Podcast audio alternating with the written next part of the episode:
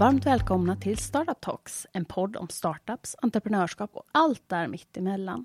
I denna podden fokuserar vi på människorna bakom idéerna, drivkrafter och visioner. Podden produceras av LID, Östergötlands företagsinkubator, där vi kultiverar innovativa startups som har potential att omvandla världen.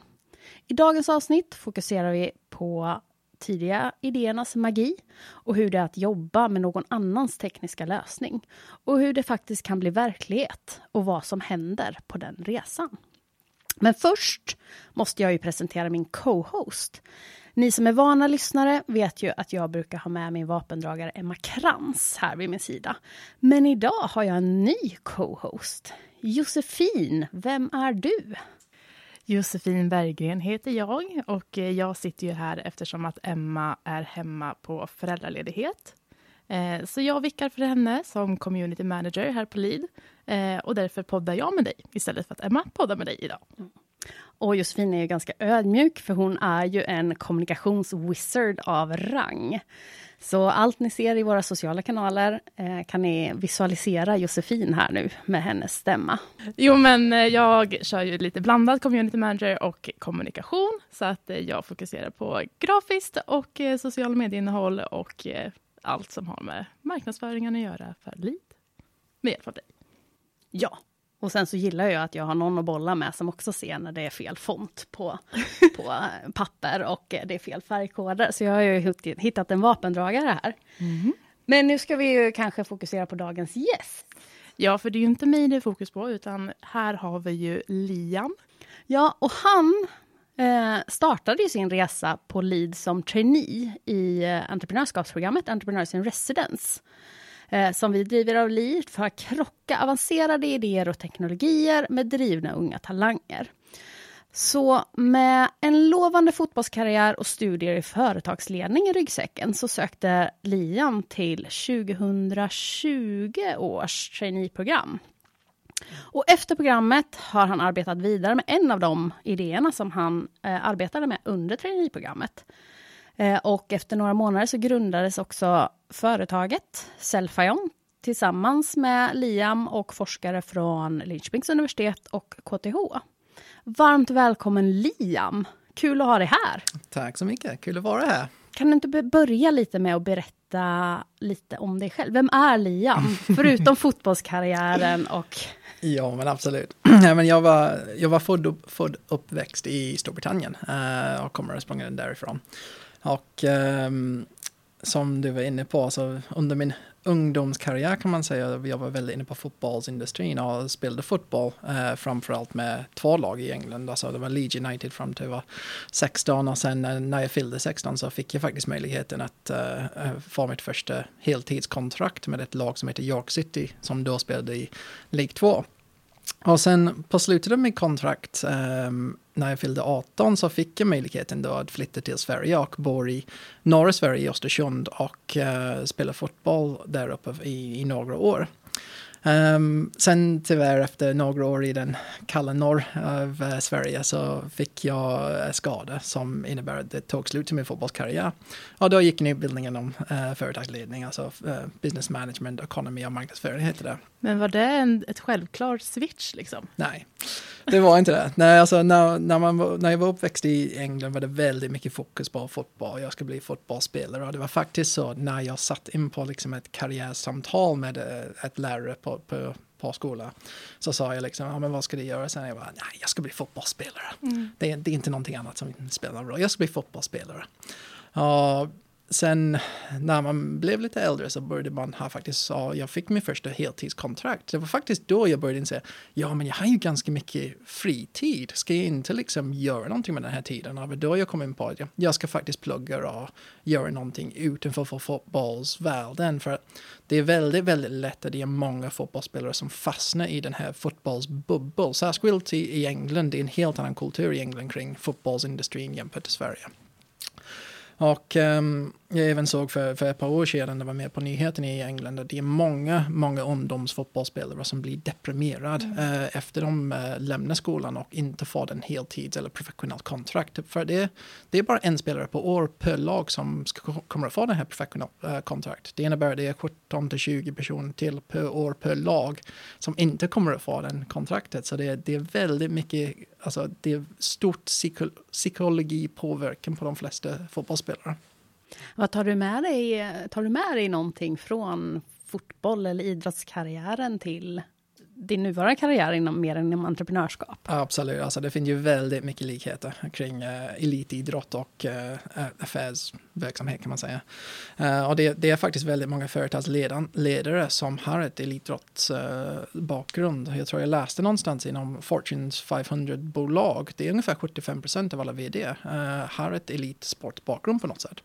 Um, och jag tror det är väldigt mycket i det, för alltså, man blir disciplinerad, alltså den livsstilen som man hade som fotbollsspelare där du, du inte skulle ut och dricka alkohol innan matchen, alltså du skulle lägga dig på en rimlig tid, du ska upp och träna ordentligt, du ska äta rätt mat, alltså hela den disciplinen kan man ta över till liksom ett eh, uh, driva ett företag, alltså det, det kräver att bli en entreprenör kräver kanske lite mer än en vanlig jobb. Alltså du kommer inte bara jobba en vanlig 8 till 4 eller 8 till 5 arbetstimmar.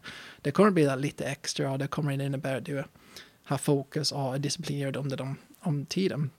Men det är också allt kring alltså, team, lagarbete, också inom ett företag. Och det, det, hade man på samma sätt inom fotboll. Och det är väldigt många synergier som man har plockat med sig från, från fotbollsindustrin. För jag tror inte att vi eh, sa vilken titel du har i eh, Selfion. Nej, det kanske vi inte gjorde. Men vi sa nog eh, medgrundare. Men du är ja, också vd för bolaget. Jag är också vd för företaget. Ja. ja. Så, så Selfion drog vi igång för strax över två år sedan nu. Um, och som du säger, vi, vi, är ett, um, vi kom från uh, Leeds trainee program, Entrepreneurs in Residence. Och, um, när jag hade gått min utbildning så blev jag anställd av Lead för att jobba inom den här traineeprogrammet. Tra traineeprogrammet innebär att man, jag alltid säger det, man förvaltar en portfölj av deep tech idéer, både från forskning och från uh, stor industri. Och uh, idén, för det här, eh, idén bakom det här är att man ska kolla in på marknad och affärspotential för att kunna starta ett företag. Det är hela syftet med det här programmet. Och under den här Entrepreneurs and Residence Trainee-program så kom jag i kontakt med forskarna från KTH och Linköpings universitet och vi, vi började kolla in på marknad och affärsmöjlighet för den här tekniken. Och det, det är ganska långsamt i början. Alltså vi hade ju först i två månader, det var inte så mycket traction på marknaden, det var jättesvårt att komma in på kontakt med tung industri. Och uh, det, det, tar tid att komma in på de här uh, industrierna. Men uh, sen, sen, hade vi lite tur. Um, under den här traineeprogrammet, mitt i programmet, det är en sex månaders program. Så mitt i programmet ska man uh, ha en kött där det blir av med en halvt av de här uh, idéerna. Och precis, jag minns att det var ungefär två veckor innan uh, vi skulle ha kutten så, så tog jag möte med ett, ett stort flödesbatteribolag. Och de sa till oss, det här låter spännande, kan ni skicka prova? Ja, det är för mig liksom ett trigger. Ja, men okej, okay, vi kanske sitter på någonting som är ganska intressant nu. För jag kommer nog ihåg det där lite innan du fick det samtalet. Mm. Och så bara, men den här, den hamnar nog bort i katten. Liksom. Så är det lite om timing. Precis, och det var, själva tekniken var väldigt tidig just då. Alltså när vi kollade in på marknaden också. Vi hade noll testdata. Det, det var faktiskt så när jag ställde frågan, liksom, vart kan man använda den här tekniken? Så fick jag svar, flödesbatterier och bränsleceller. Vi kom tillbaka faktiskt 12 månader, 6 månader senare och insåg, nej men det här går till 12 till 15 tillämpningar faktiskt. Det finns ju stort applikationsområde för den här tekniken. Um, så i början var vi väldigt alltså, nischad med det vi kollade för, teknik, för tillämpning för tekniken, men det var också så himla svårt att komma igång och få traction av de här stora bolag, särskilt när man inte hade liksom, ett bolag redan grundat. För det, det var ingen som riktigt förstod vad vi håller på att göra. Och vad håller ni på att göra? Ja, exakt. um, Så efter vi hade liksom fått den här ehm, um, kund som hade sagt, ja men kan ni skicka lite prover till oss och det här låter spännande. Så då började liksom, det trigger igång någonting hos oss. Vi var, ska vi faktiskt börja kolla lite mer på det här om, uh, om vi kan göra någonting med företaget. Och inom den nästkommande liksom tre månader, då, då började det komma mer och mer traction. Alltså vi började se fler och fler folk ville testa, så vi kanske satt på någonting som var intressant. Men ni är ju ett forskningsbolag och det är en mm. lång resa med forskning. Och det är ju en relativt lång resa ni står Mm. inför.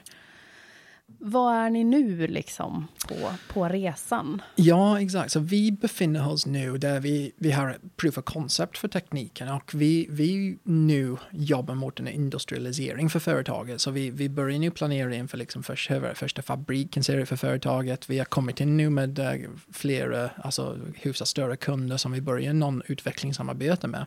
Så nu handlar det om att vi, vi kommer i princip skifta över nu från startup-bolag till scala bolag brukar jag säga. Så vi, vi är i den här fasen just nu. Och som ni säger, det- tar ganska mycket tid att komma ut från forskning. Alltså det, I snitt så tar det mellan fem till sju år för att lansera en produkt från forskning. Uh, och det är för att när man, även när man har testat på labbskal, det finns ju en, en, en oerhört mycket application engineering som måste ske med tekniken. Det, det handlar om att du, du kommer ut till kunderna och kunderna får testa det, de får sätta in det i deras enheter och de får optimisera processen för deras enheter och det kan ta tid hela den här processen. Så det är ganska viktigt, man kommer ut ganska tidigt med det, även om man kanske inte riktigt har en färdig produkt, förutom att man är 75 procent på, på vägen dit till en produkt. Ja, den sista 25 procent kanske göra tillsammans med kunden så ni vet att det är rätt det som ni gör. Nu har ju du varit vd på Selfion i Två år. två år. Mm. Hur känns det? Har du från för liksom första dagen fram tills nu? Ehm, det är en helt annan bolag idag än det var för två år sedan. Alltså, när, när vi drog igång Selfion så var det, det var inte någon, jag, jag brukar säga det var inte någon riktig vd-tjänst. Alltså det, det drog igång bolaget och det var i den här uppstartfasen. Vi alla, vi var fyra, fem stycken som var där och vi, vi måste liksom jobba för att få bolaget att gå framåt och det spelar ingen roll vem gör och vad. Idag är vi nu 11 heltidsanställda så vi, vi är faktiskt på ett fas nu där vi, vi måste börja sätta liksom en, en struktur i bolaget. Det handlar inte, man kan inte springa åt allt längre för att det blir, det blir för mycket som händer. Så för mig så hade det, jag är i en transitionsperiod eller fas just nu där man måste börja lära sig att delegera ordentligt och um, satsa på rätt prioriteringar också så man inte springer allt längre. Och du, nu pratar vi ju podd så det är kanske inte så många som ser. Men man kan ju koppla din röst till en ganska ung person. Mm. Eh, jag har ju fått höra att du har hamnat på Forbes lista 30 under 30. Mm. Eh, vill du berätta lite om hur det är att vara vd vid en ung ålder? Och tror du att det är någon skillnad? Ja, men det tror jag absolut. Ehm, um, särskilt den industrin som vi ska in på. Uh, så när, när jag klev på som vd på Selfion var jag 24 år gammal. Och det, det som, om, om man ska bli en ung vd och kommer in på en tung industri så måste du ha erfarenhet runt omkring dig. Alltså det, det räcker inte att man är duktig på det som man gör, förutom att ibland går det inte, du, du, du kan inte köpa erfarenhet. Um, ehm, det, folk som har upplevt och gått den här resan förut och förstår de här industrin, du, du behöver dem runt omkring dig. Och det hade jag väldigt mycket tur med. När vi grundade Selfion så hade vi en väldigt erfaren styrelse som hade kommit från tung industrin som kunde hjälpa mig och lära mig om vad jag ska göra. Och det, det handlar om för en ung vd eller en ung person som vill driva fram ett företag, man är tillräckligt ödmjuk för att säga ja men jag kan inte allt och det är inte konstigt för jag är inte tillräckligt gammal för att kunna allt. Så att ta hjälp av dem som är runt omkring dig. Och jag, ja, alltså jag kommer in på Forbes-listan var ju lite av en, alltså någonting som det här led till. Alltså det, jag vet att det är jag som är landat på listan, men jag har haft väldigt många som är runt omkring mig som har hjälpt mig att komma med på den listan kan man säga. Och vad är ditt eh, största tips till andra 24-åringar som eh, kanske lyssnar på det här och eh, tror att vd-rollen är någonting som ska hända om 25 år? Um, jag skulle nog säga det som vi var inne på. Om du ska bli en ung vd så måste du, alltså du måste förstå din ledarskapstyp uh, också. För det, du kommer inte som en ung vd kunna gå in på ett bolag och börja peka fingrar på folk. För att du själv inte nog vet vad du ska göra. Så du måste hitta ett sätt för att leda teamet som innebär att alla får vara med på beslut. Och det var någonting som jag jobb, jobbade väldigt tidigt med få från det jobbar med nu. Jag försöker få med alla med på beslut så vi gör det gemensamt. Uh, så att det inte någon gång ser ut som liksom att jag sitter där och pekar fingret. Hur kommer det funka i framtiden när ni kanske är 50 anställda? Ja, men då blir det en helt annan bolag. För att nu när man kommer till 50 anställda, då har man en ordentligt ledningsgrupp. Och det, det är det som man måste tänka på. Vem, vem ska man plocka in också in i företaget? För att vi i Selfion så började vi så, vi, vi anställde ganska unga folk i början och det funkade jättebra, jättemycket liksom drivkraft, alltså väldigt effektivt och det var därför vi har faktiskt utvecklats så fort. Vi har haft jättebra talanger som har kommit in. Nu inser man att ah, okej, okay, men de här, vi behöver liksom bygga erfarenhet kring de operativt i bolagen nu också. Vi har varit väldigt tacksamma. Vi har anställt någon som heter Magnus Titus ganska nyligen som har gjort lång erfarenhet från uh, tung industri inom sälj och vd-roller som har kommit in på affärssidan nu för att hjälpa oss med partnerskap mot större bolag. För det det är väldigt mycket återigen till erfarenhet som man behövde plocka in till den här ung team som vi kan ta del av. Ja, den, den har funkat jättebra. Så jag tror att när vi kommer ut till att bli ett större bolag så måste man diversifiera. Alltså det, det handlar inte om att bara, bara ha ett ung bolag. Vi måste plocka in erfarenhet också. Så det heter den här balansen mellan de två. Jag tänker, vad är din vision i allt det här och hur jobbar du med att ta dig dit?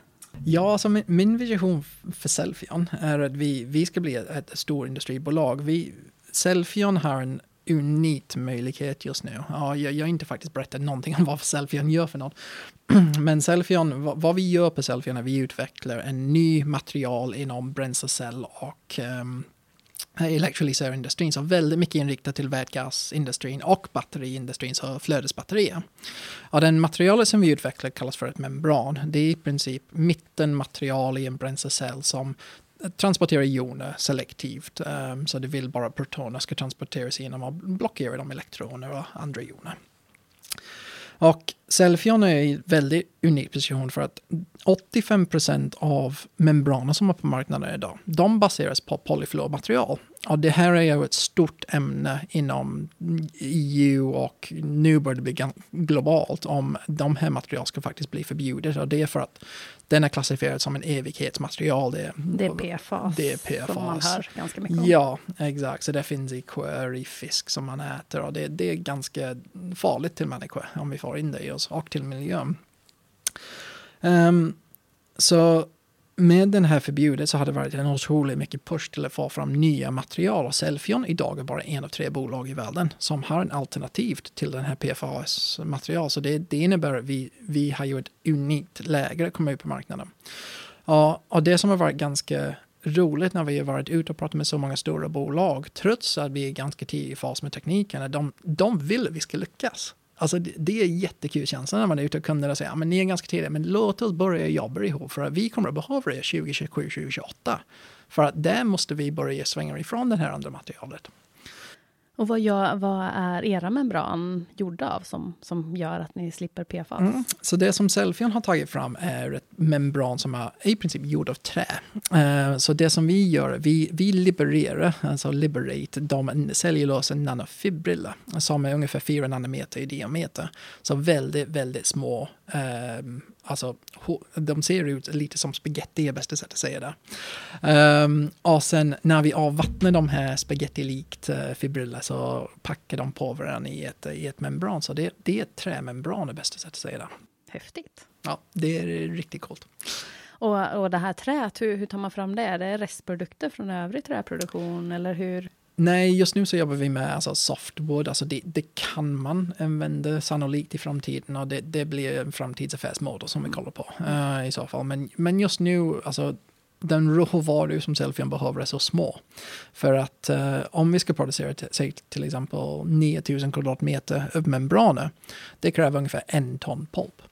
Ja, för ett år sedan, uh, för, för folk som inte riktigt förstår pulpindustrin, för, för ett år sedan så var vi faktiskt i Kanada träffade ett väldigt stort uh, pulpbolag. Um, och de, de frågade liksom, hur, hur mycket eh, pulp behöver ni för eh, era membraner? Ja, vi, vi satt där och gjorde lite beräkningar och sen kom vi tillbaka, ja men en ton pulp, det, det ungefär kommer att ge oss några tusen kvadratmeter membraner de här två killarna som satt mitt emot, de kollade på varandra, sen kollade de tillbaka på oss och bara började skratta. Det kan ni få som en gratis prov. det var då man insåg, okej, okay, men det kommer inte kräva så mycket råmaterial för att det här ska bli en skalbar produkt. Men eh, visionen och det, liksom, hur, mycket, hur mycket ton kommer ni behöva i framtiden? Hur, hur mycket membran mm. finns det Så en, potentiellt? En, en stor industrikund behöver miljontals membraner. Um, så det, det, finns ju, det är ett väldigt stort marknad och hög volym som man måste komma upp i produktionen. Um, Ja, det får vi se hur man gör det på bästa sätt. Om det är att man går ut och bygger de här gigafabriker som alla pratar Mm. om eller om man ska ta en annan affärsmodell och licensiera eller en blandning av de båda två eller toll manufacturing och all det här med affärsmodellen liksom håller man på att utveckla. Jag tänker membran pratar vi om nu och Ja. för många tänker jag att det är ganska abstrakt. Ja. Kan du ge några exempel på mer så här relaterbara saker där vi kan hitta Selfions membran i framtiden? Ja, så om vi ska säga så en av de tillämpningar för membranet är bränsleceller. Um, och där använder man en bränslecell till exempel i bilar, i fordonsindustrin. Så Toyota har faktiskt släppt en bil som heter Toyota Mirai. Och den drivs just av en um, uh, bränslecell som till exempel eh, uh, Selfions membraner skulle kunna vara i. Sen har man också elektrolysörer och det här börjar bli liksom mer och mer en, en väldigt, väldigt stort ämne. Alltså det är en otroligt snabbväxande marknad och det, det är där man producerar grön vätgas. Så det kan man använda till exempel kopplat till förnybar energi för att bara generellt bara producera vätgas. Och vätgas är gas, alltså det kan man bränna som man gör med metangas idag. Um, och det är väldigt många länder, till exempel Storbritannien, Tyskland och Frankrike, som kollar på kan vi faktiskt göra om den här gasinfrastrukturen till, från uh, fossilgas till uh, vätgas. Så där kommer man kunna se liksom en, en tillämpning för det här materialet också. Hur många är ni på Selfion idag? Vi är nu 11 anställda, heltidsanställda. Um, vi har två till på vägen i bolaget efter jul och sen har vi planer om allt går enligt plan. Um, att vi börjar skala upp bolaget 2025. Ja, för vad är, vart är ni om fem, sju år? Och få, det är en bra fråga. Um, det kan vara väldigt många olika scenarier. Ja, det, det beror lite på uh, kunderna skulle jag säga. Ja, det, det som Selfion, det som vi jobbar fram just nu är planer för en första fabrik som kommer inom två till tre år. Eh, målet är att vi ska bygga första småfabrik.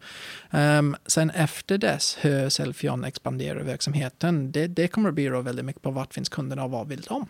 Uh, det som vi hör från vissa kunder just nu, de, de vill ha tillverkning hos dem, uh, eh, on-site. Uh, vissa kunder vill köpa membran, vissa kunder vill köpa membran tillsammans med ett catalyst coating, så catalyst coating membran. Så det finns ju olika, de, olika erbjudanden som Selfion kommer att ta fram inom de nästkommande liksom, tre till åtta år kan man säga. Och då kommer Selfion inom åtta år mest troligen befinner sig ganska globalt också. Det är, det är väldigt globalt marknad. Jag skulle faktiskt nog säga att Sverige är nog vår minsta marknad idag. um, just för den här tekniken. Um, men nu börjar det komma mer och mer från stålindustrin, alltså Hotar Green Steel och Hybrid Project. De använder till exempel de här elektrolysörer i deras processer för att ta fram vätgas för grön stål. Um, men det, blir, det är väldigt, väldigt globalt marknad som vi kollar på också. Mm. Jag ser, vi pratar PFAS, man pratar ofta det är giftigt både för miljön för att det inte bryts ner Mm. och det är också skadligt för oss människor och vi får i oss Mm. en hel del eh, Ja. som det är nu.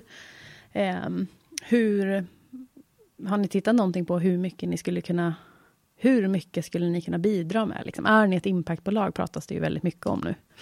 Jag skulle säga, vi, vi ofta säger att vi är väldigt disruptivt. Alltså det här kommer att bli ett väldigt disruptivt material för det innebär att hela marknaden kommer mest troligen lyckas Selfion tillsammans med några andra konkurrenter. Um, för det, det är faktiskt viktigt för Selfion, det är andra som också lyckas just nu. Så det är många som brukar säga liksom, ja men eh, vem är era största konkurrenter? Vi, vi har ingen konkurrenter, vi har potentiella partners just nu. Eh, för att den här mark- volymen för den här marknaden är så pass stort att vi måste ha fler material som kan komma fram och prestera tillräckligt bra. Ehm, så vi har eventuellt ett väldigt, väldigt disruptivt mark- m- äh, men bra material som kan äh, vara en helt ny lösning både till vätgasindustrin och batteriindustrin.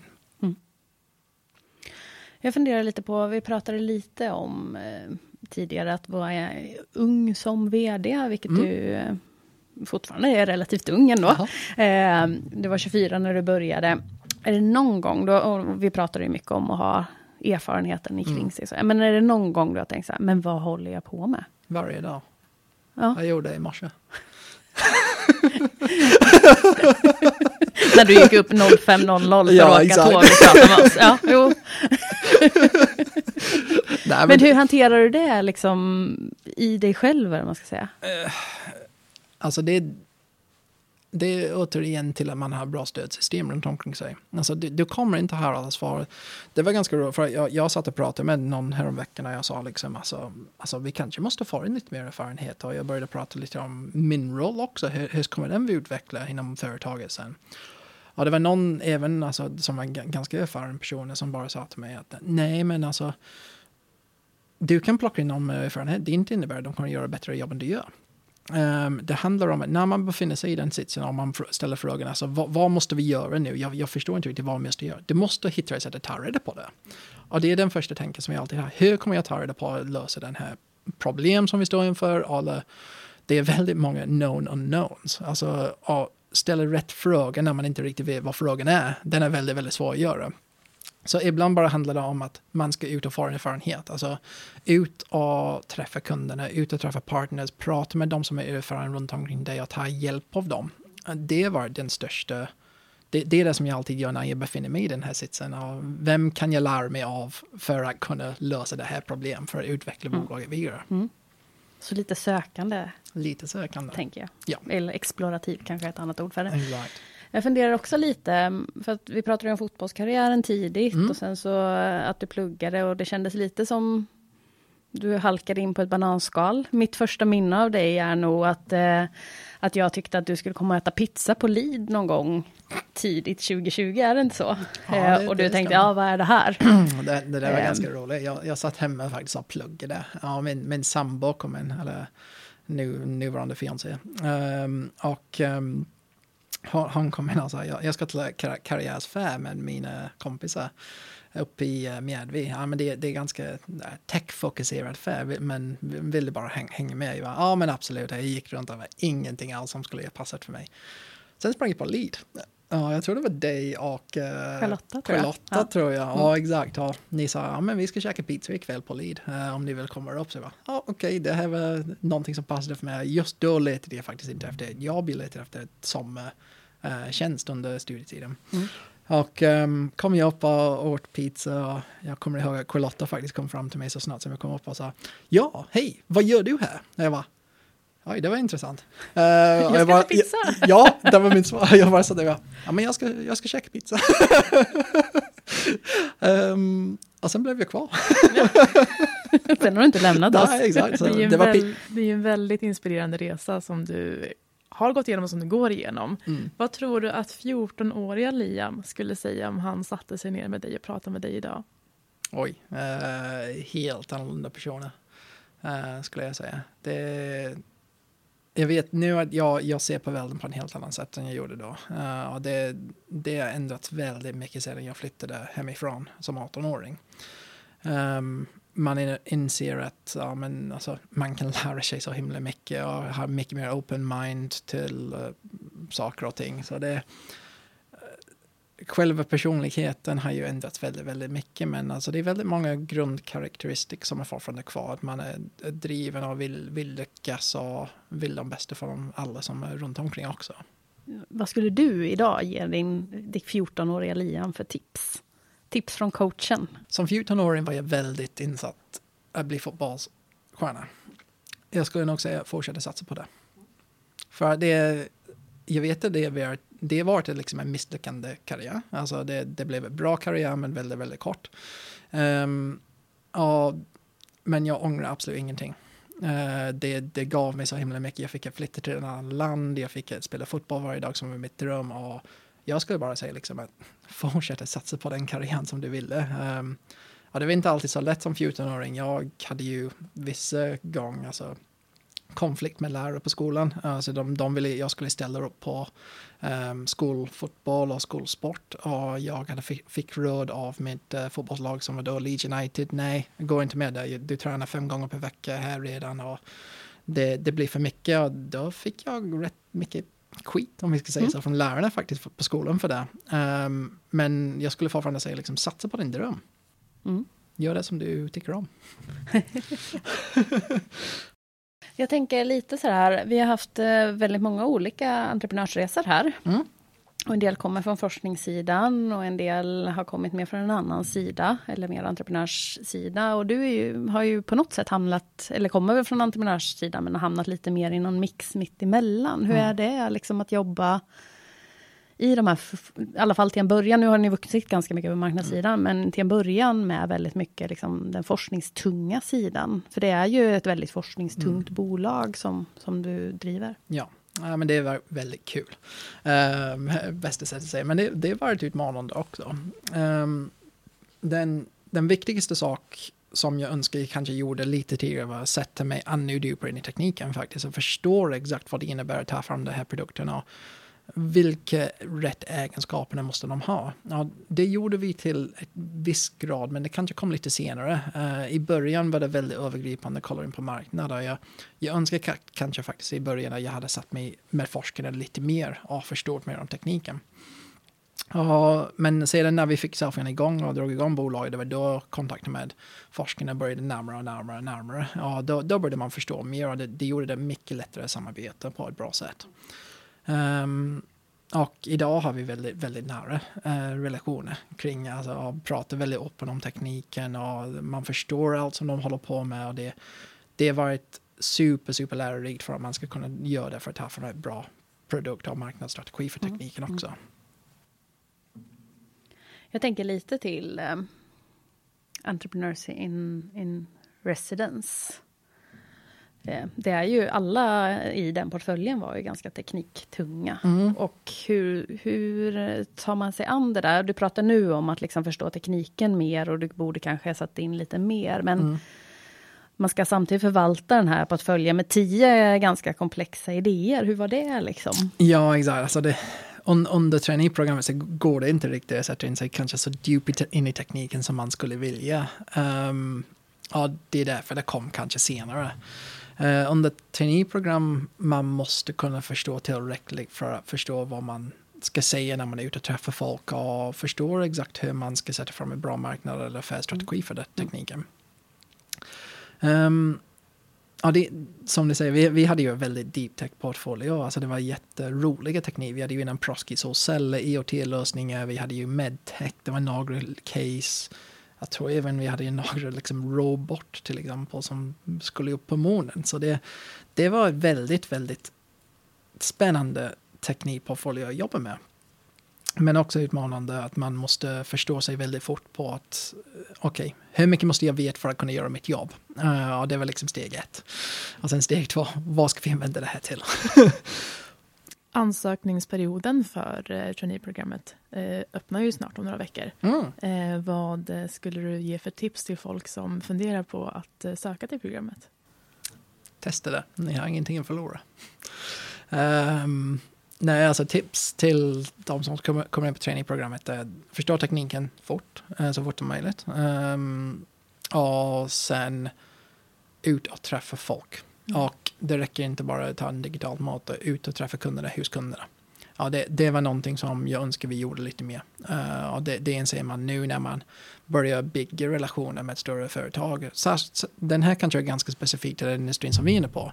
Men tung industrin, att eh, bygga alltså kund och pipelinen, det, det handlar om att bygga relationer med kunden. Ja, det enda sätt som du kan göra det är att du är ute och träffa dem. Så det är också väldigt viktigt att man är ute och träffar folk och förstår deras processer, förstår hur man ska få in deras teknik i, för oss, vi är ett uh, komponentleverantör, så hur ska vi få in våra komponenter in i systemet? Det, det är liksom ett otroligt viktigt steg och någonting som man måste börja kolla in på väldigt tidigt. Tror du att eh, vem som helst kan söka programmet eller tror du att det är en specifik typ av människa eller vem, vem tror du kan söka? Ja, men jag tror att vem som helst kan söka det, så, så länge som man har liksom en drivkraft och vilja att göra det, att, att driva fram ett företag eller idéer eller case, um, så tycker jag det, det, det är vem som helst som kan göra det. Och det, det är ganska viktigt att man har en spridning på kompetens också. Det, om man ska bygga, under trainee-programmet så jobbar det ganska nära i en team eller en grupp. Så det måste, det måste ha diversifierad kompetens inom teamet också. Kanske vissa som är mer marknadsorienterade, kanske vissa som är mer techorienterade. De kanske har lika personligheter också. Ja, det, det är bara det som man måste ha för att bygga ett bra team. Om du skulle beskriva Entrepreneurs in Residence med en eller två meningar, hur hade du beskrivit det då? Ett roligt sätt att bygga karriär. Om du fick då summera också så här. Vad är här nyckellärdomarna? Vad, vad är det som har varit så här revolutionerande insikter eller som du så här bär med dig extra mycket i din karriär idag? Fail fast. Fail fast och lära sig från det. Ingen är perfekt, ingen kommer att bli perfekt. Försök inte vara perfekt. Förutom att uh, försöka minska på riskerna så mycket som du kan via att lära dig så mycket som du kan, ta hjälp av folk. Men det är okej okay att misslyckas då och då, så länge som de misslyckanden inte repeteras. Fails är ju mitt så favoritsubject. kan du bjuda på någon fail eller är det fortfarande för känsligt? När um, failar du Jag tror den, den, den, största, en av de första misslyckanden jag gjorde när vi drog om bolaget var att jag um, jag kanske, jag, jag glömde synka hela bolaget faktiskt. Det, det, här var väldigt tid, tid, tidigt när vi um, drog igång så här. För nu, nu tror jag vi är väldigt välsynkat, hoppas jag. Hoppas att alla andra i bolag håller med. Um, men i, i, början så sprang vi kanske iväg lite för, för, för, fort på marknadssidan och glömde att tekniken måste komma ikapp. Och det här handlar om mitt, mitt bakgrund också. Att jag kom ju från ett marknad och affärsperspektiv. Jag kommer inte från ett teknikutvecklingsperspektiv. Och det, det var ett ladom för mig. Och jag kommer ihåg att jag fick ett telefonsamtal av en av styrelsemedlemmarna och sa du måste synka bolaget nu. Och jag var okej, okay, nu måste jag ta ett steg tillbaka och fundera på vad det är som jag gör just nu och se till att den här är i synk. Och då sa vi, okej, okay, tekniken är här, produktionen är här, marknaden är här, finansieringen är här. Hur får vi de här fyra ihop? Och, och teamet också, organisationsbyggande. Hur får jag alla de här fem äh, områden att växa i synk? Så att vi aldrig liksom springer iväg på något håll. Nu, den, det som alltid man vill ha är liksom affärer som är bigger än bolaget, eh, är större än bolaget. Så att pusha lite mer kanske på marknadssidan är aldrig fel. Um, men du måste komma ihåg att synka allt annat runt omkring. Mm. Jättebra råd också, tänker jag för alla där ute. Um, bara så här för att jag är nyfiken. Om du fick välja en person som du skulle vilja äta middag med, vem skulle det vara då? David Attenborough. Varför då? Ja, men jag är väldigt stort fan av David Attenborough. Jag mm. tycker han, han har rest typ hela världen och haft en otroligt fantastisk journalistkarriär.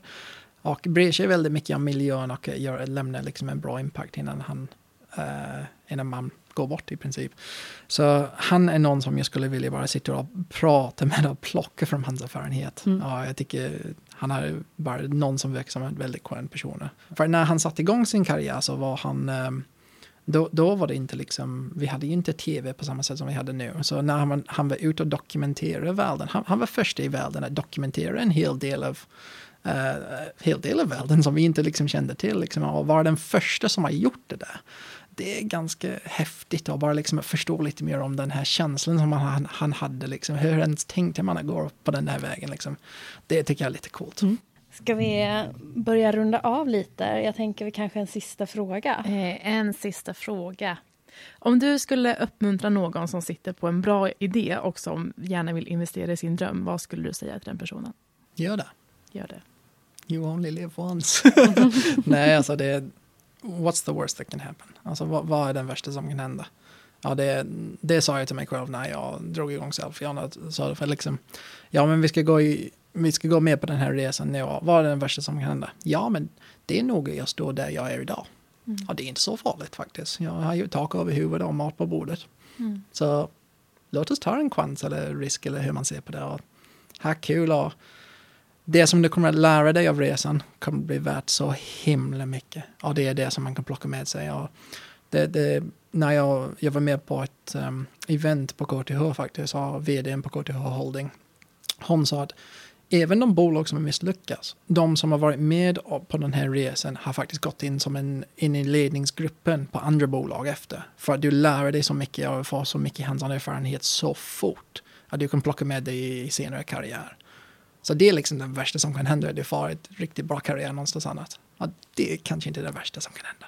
Nej, det låter det inte som. Nej. Stort tack för att du kom och ville sitta ner och prata med oss. Det har varit jätteroligt att ha dig här. Tack för inbjudan. Tack så mycket. Tack så mycket.